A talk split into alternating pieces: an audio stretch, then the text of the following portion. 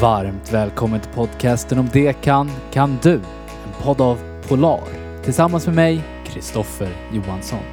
Som första kvinna i världen sprang hon genom Iran. Kristina Paltén.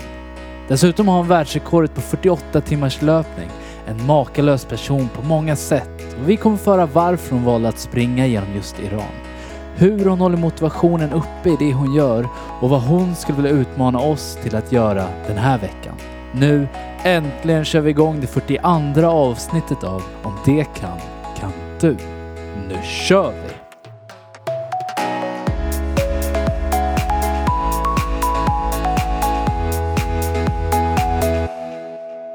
Kul att sitta här med Kristina.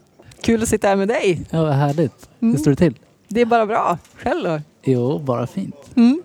Nu har vi bytt location tänkte jag säga. Från att ha suttit lite dunkelt fik till att nu har vi mer ljus vi kan se varandra också. Jajamän. Vad har du haft för dig i dagarna? Ja, idag har jag haft en rolig dag. Jag började må- eller ja, men det var ju så fint väder idag. Så jag, ja, jag stack ut och sprang på morgonen. Det tycker jag är skönt. Ja, Det är så härligt att se solen gå upp och månen gå ner. Och, och, ja, och så var det ju frost och jättevackert. Så eh, halka omkring där på frosten på gatan. det börjar bli halt va? Jo, men det gör det. Ja.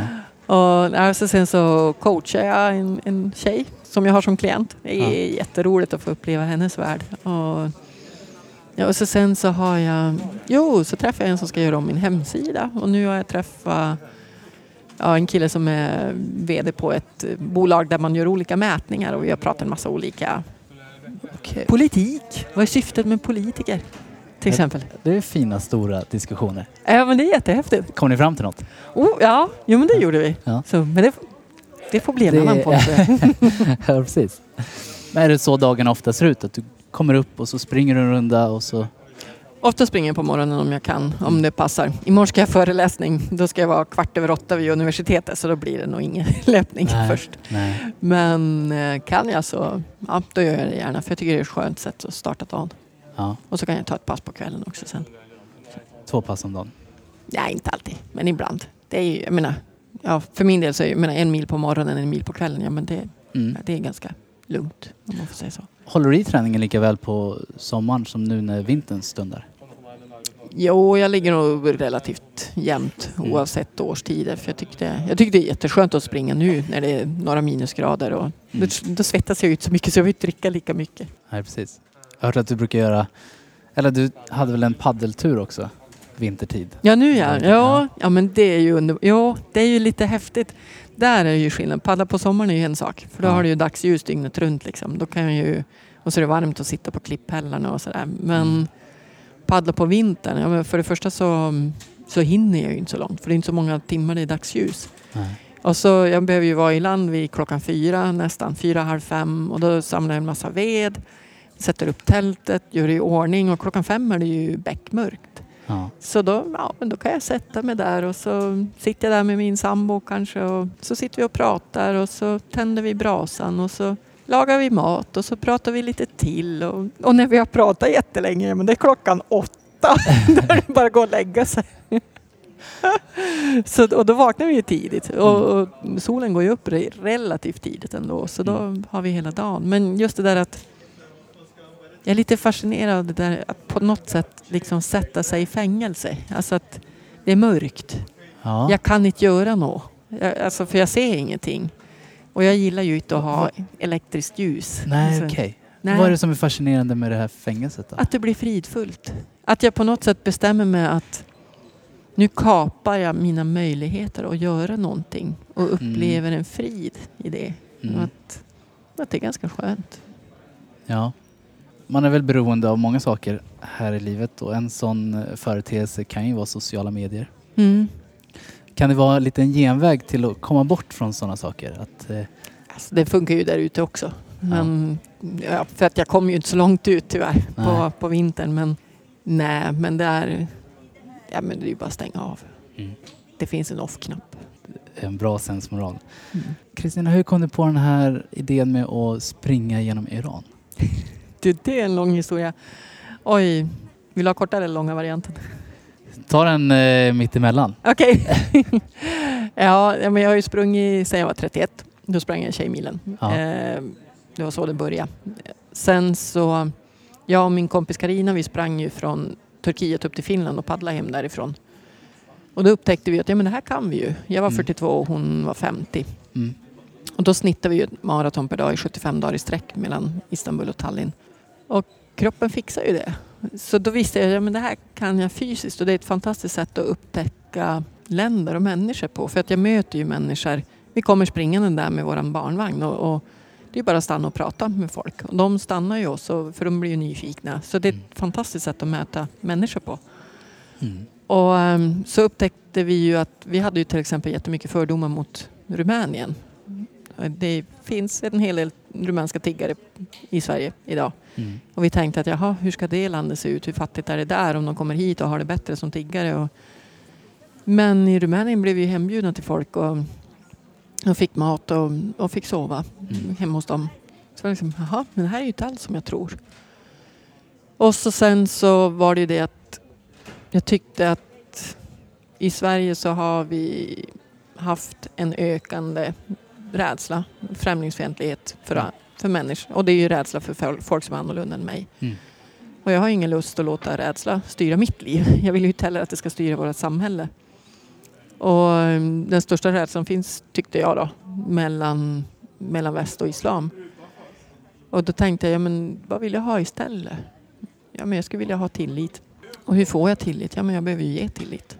Mm. Och tillit är ju faktiskt att vara sårbar utan garantier för utfallet. På något sätt. Att sätta Mm. sig i den situationen. Utelämnad. Jo, och då Mm. tänkte jag, ja, men om jag då som representant för väst så att säga, eller som Mm. västerlänning Mm. springer genom ett muslimskt land med sharia-lagar och dessutom är kvinna då, så blir det ju ännu bättre. Mm. Och vad kommer att hända då? Kom, alltså, kommer det vara som i Rumänien att de där fördomarna jag har, ja, men det visar sig att det finns ingen sanning i dem. Och sen är det ju bara rent statistiskt så också. Jag menar, visst hade jag inte den som springer omkring och tror att ja, men muslimer är väl terrorister. För det är det jag ser i tidningarna. Mm. Men jag tänker ju inte att, att alla norrmän är terrorister bara för att Anders Behring Breivik är det. Nej. Så varför gör jag den kopplingen? Alltså det är ju en jättemärklig koppling egentligen. Om det finns en och en halv miljard muslimer, jag menar, de kan ju inte vara terrorister allihop. Nej. Så någonstans är ju logiken att det borde inte vara så. Men det var ju jättespännande att se hur rädd hela min kropp var ändå när jag, skulle, Mm. när jag väl skulle göra det. Mm. Men så blev det. Så jag åkte iväg och sprang. Mm. Stötte du på några terrorister? Nej, Inte många? inte en enda. Inte vad jag vet i alla fall. Inte som jag har märkt. Nej.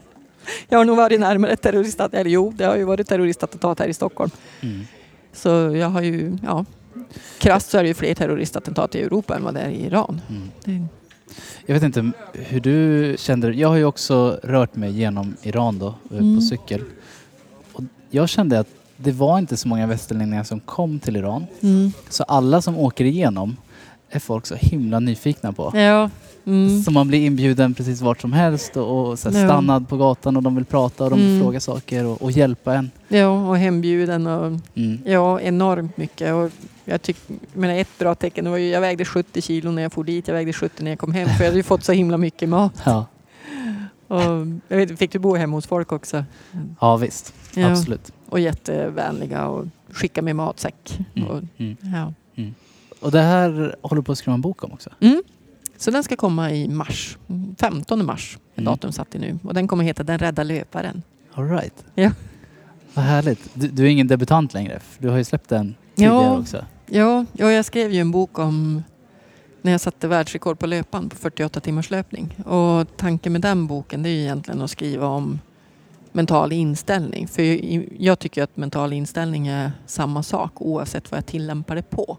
Mm. Okej, jag har lärt mig det i löpningen och just i det här fallet så tillämpar jag det på löpning. Mm. Men jag kan ju lika gärna tillämpa det på lära mig spela fiol eller bli författare till Just det. exempel. Mm. Och det är lite kul för det var ju en bok som tryckte den på en kompis, eller kompis förlag och så tryckte jag den på Vulkan och så ligger lagret hemma under sängen och, Ja. Och så skickar jag väl en bok till någon om någon vill ha den och säljer den på föreläsningar och så då.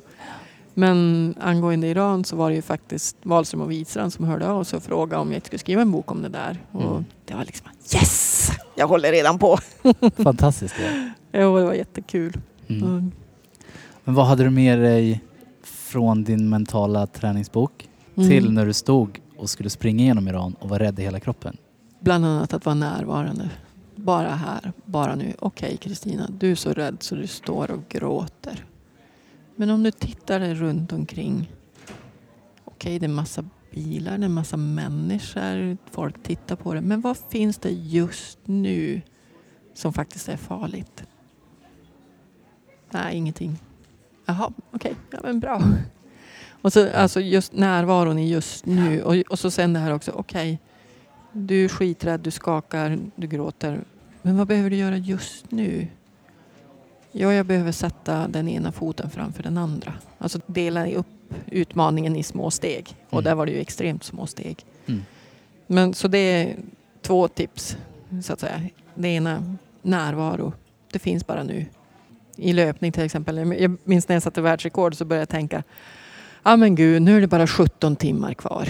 Ja. Och det är ju ganska skönt vid första tanken. Men när man inser bara, shit jag har sprungit 31 timmar och det är 17 kvar. Och fy fan.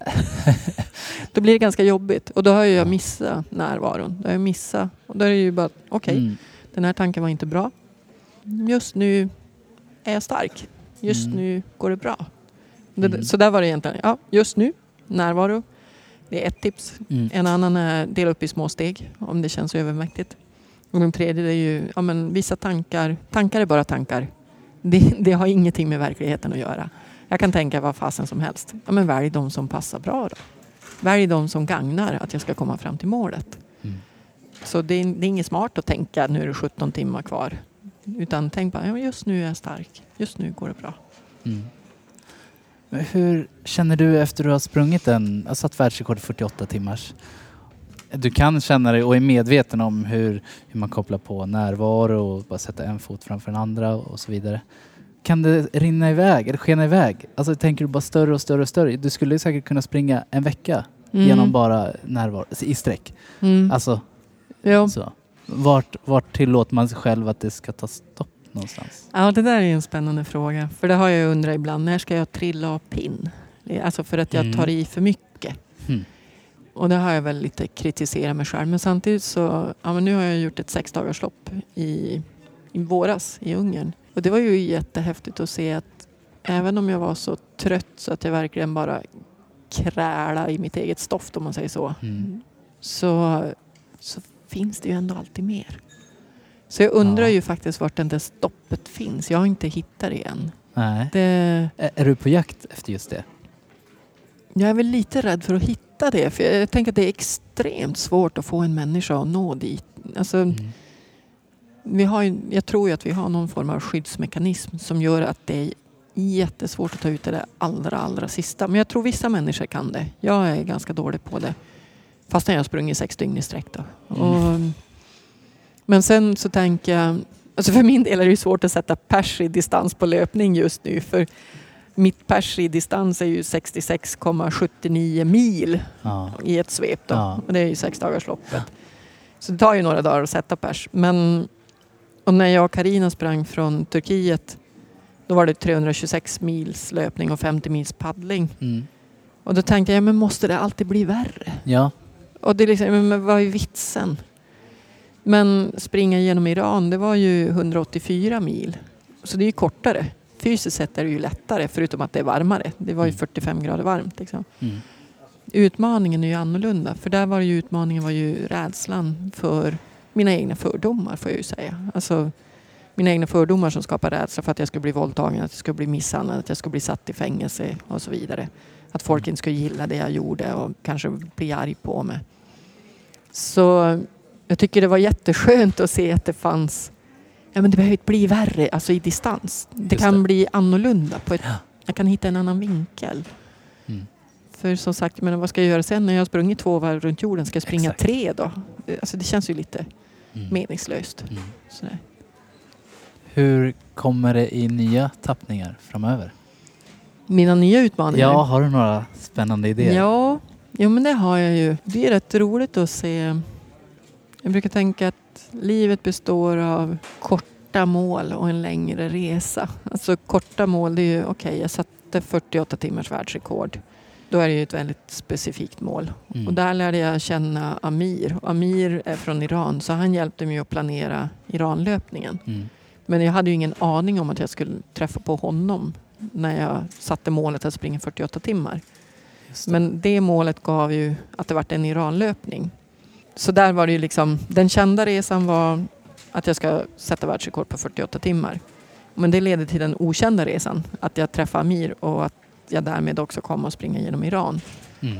Och Iran i sin tur är ju en bestämd, Mm. ett bestämt mål. Mm.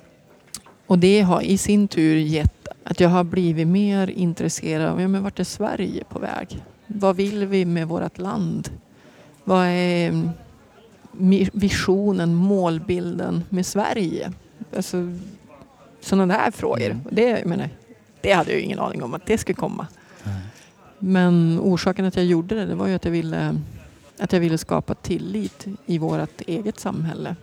Och jag har ju sett att det har haft en effekt. Så det är ju jättehäftigt att upptäcka att ja, men jag har en påverkan på omvärlden runt omkring mig. Vad jag gör spelar roll.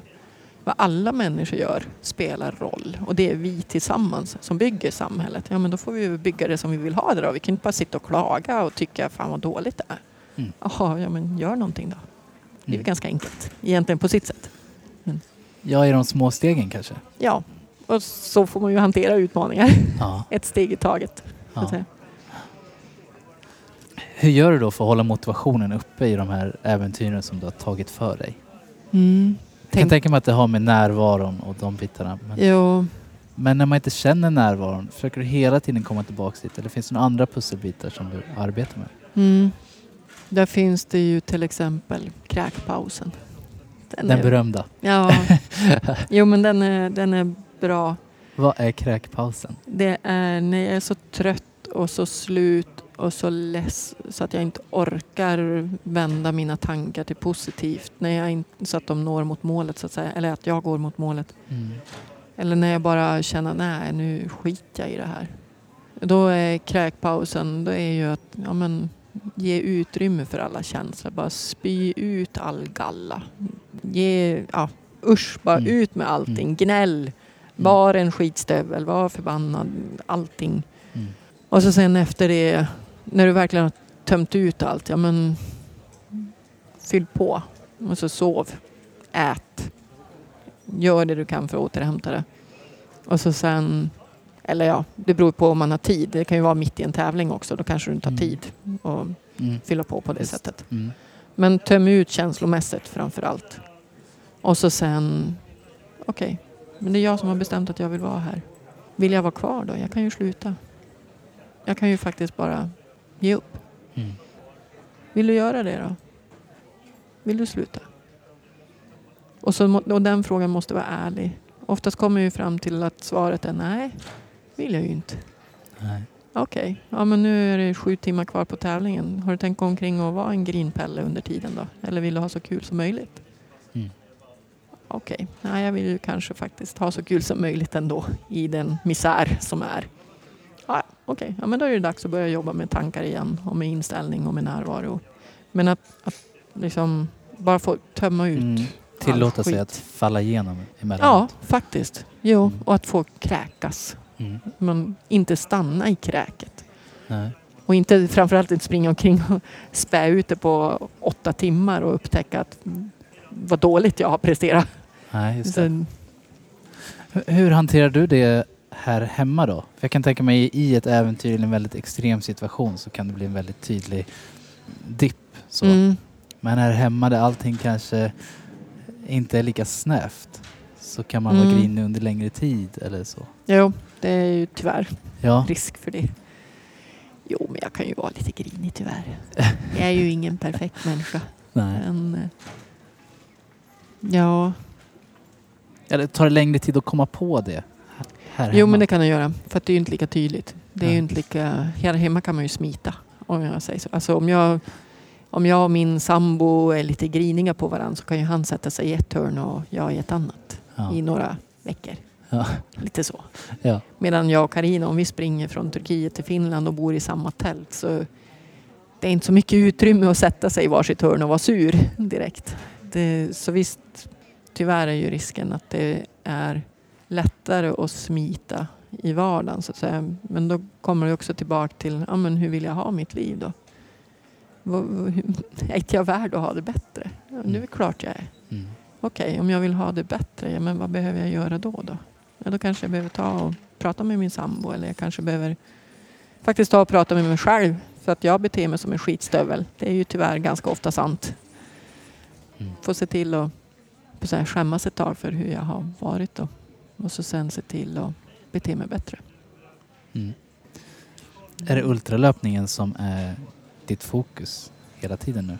Nej, det kan jag inte påstå.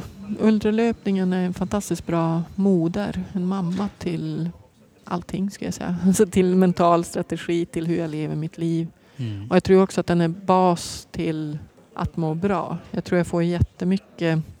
Jag menar, nu är jag 46. Det finns ett antal av mina kompisar som börjar få krämpor och, och så. Och jag har inga krämpor. Ja, det största problemet jag har är att äta tillräckligt. Ja. Till exempel. Det är ett ganska trevligt problem. Mm. Så jag tror det finns mycket som i ultralöpningen som gör att jag mår bra. Och att jag inte alltid är medveten om det för att det är så självklart. Men nu är fokus, jag menar jag ska ut med en bok. Det är jättekul Mm. få skapa den. Och även jag menar, hur, hur gör jag marknadsföringsarbete kring en bok? Hur sprider jag den? Hur, ja, massa ny, nytt lärande där. Sen är ju dokumentären är ju ute nu också kring löpningen. Och den är ju det är jättehäftigt att se den. Den är i Murmansk och ska tävla på en filmfestival där. Den är Alright. i Grekland, den är Ja. i, i Tjeckien, i Australien, i Umeå, i, den ska till Göteborg, den ska till Litauen. Det är ju jättehäftigt att se det där. Men ja, sen är det, mycket, ja, det är en del föredrag, men sen är det ju också plan framöver. Vad det jag vill under 2018? Mm. Och där finns det ett litet äventyr planerat som är lite hemligt än. Ja. Och som jag verkligen hoppas, för det handlar, det handlar lite om löpning men det handlar väldigt, väldigt mycket om annat. Det är en helt annan grej egentligen. Kan det vara rädslor då? Nja, nej, den, Nej. den är hemlig än som sagt, tyvärr. Ja. Men, men sen handlar det ju också om att jag vill, ja, jag vill ju påverka vårt samhälle. Alltså en Mm. ökad medvetenhet om att det är faktiskt vi som, vi varenda människa som utgör vårt samhälle. Och att det är vi som skapar det. Och, ja, det där vet inte jag riktigt hur jag ska göra än. Men Det börja prata om det. Ja, 2018. det hoppas jag. För det brukar vara så. När jag började prata om att jag skulle springa genom Iran då kom det en massa folk som ville hjälpa mig med det. Ja. Så ja, det Mm. kanske är samma sak här. Mm. Hur ska man göra om man är sugen på att börja med ultralöpning Mm. och ta sig in på, den, på det spåret? Åh, njut, tänker jag. Ja, hur gör man för att njuta av löpningen Det är, generellt? det är ju inte alltid man njuter av ultralöpning men, nej, men jag tänker att sp- springa längre och längre. Och springa längre och längre det handlar ju inte om att springa fort utan det handlar ju om spring, gå, spring, gå, spring, gå. Mm. Jag älskar att fika. Och spring till ett café och spring hem igen. Alltså, gör, lägg in roliga grejer. Och, alltså det handlar ju om att utmana sig. Det handlar om att göra längre och längre sträckor. Men att göra det på ett behagligt, relativt behagligt sätt. Visst kommer det vara obehagligt ibland. Men det är ju då det är spännande att se, okej, okej, ja, men hur fungerar jag nu då? Vad händer med mig? Okay, jaha, jag blev gnällig. Ja, gagnar det mig? Eller nej, det kanske det inte gör. Okej, Okej, hur kan jag göra istället? Det är det där spelet som är jätteintressant. Alltså, se, se det som ett experiment, tänker jag. Hur du Mm. själv fungerar. Mm. Och det är ju ett, ett lärande i hur jag hanterar mig. Hur får jag ut det bästa av mig? Mm. Det, alltså, jag tänker att målet finns. Det handlar inte bara om att jag ska klara att springa 14 kilometer idag om jag klarade 12 i förra veckan. Utan det handlar ju om att lära mig om min egen mentala både förmåga och hur jag funkar. Alltså, Mm. jag System. Ja, Mm. Ja, jag tänkte till exempel min sambo, han vill, när, han, när han skulle springa Stockholm Marathon första gången. Han gillar att veta hur banan ser ut.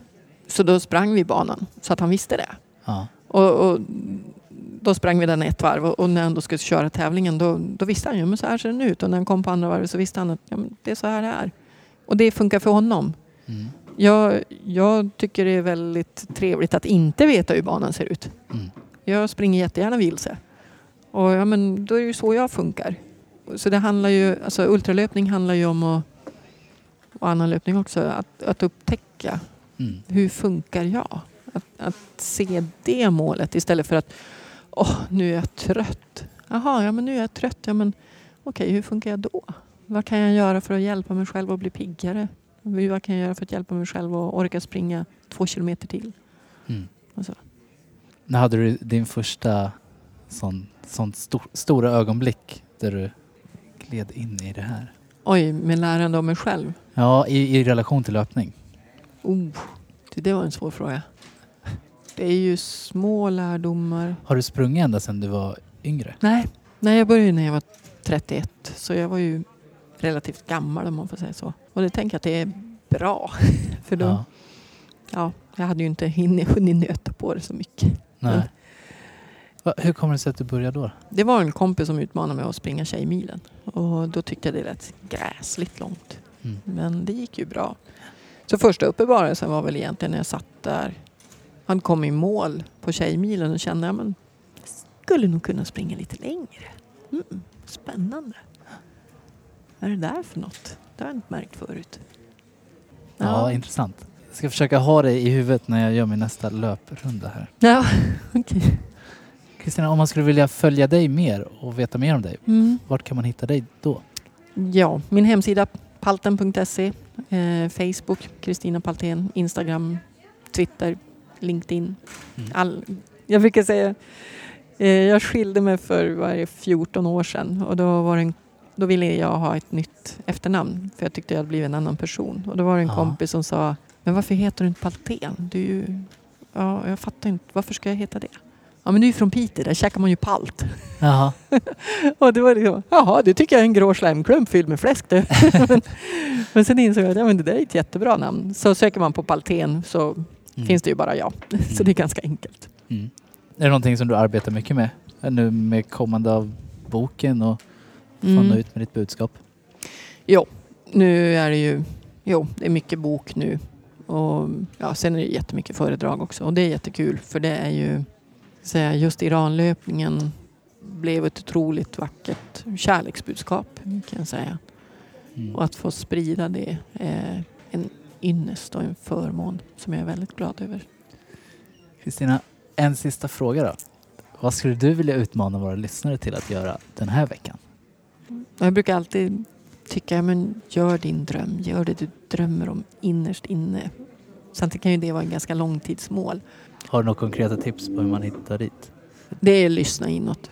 Och det är inte helt lätt. Men det är, svaret finns där inne. Det finns inte i något yttre. Det finns inte i vad andra tycker. Det finns inte i vad som ger pengar. Det finns inte i jag ska säga, status eller så. Utan det är bara vad, vad är det som får dig att gå igång? Vad är det som får dig och ditt hjärta att börja pirra?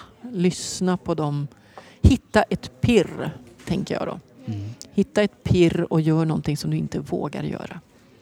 Mm. Jag tänker också att många, min uppfattning är att många kan så otroligt mycket mer än vad man kanske gör. Mm. Och om du har någonting som du verkligen har velat göra men inte riktigt våga. Säg upp dig från jobbet till exempel. Ja. Det är det väldigt få som vågar. Det är en hälsokick. Det är en farlig utmaning.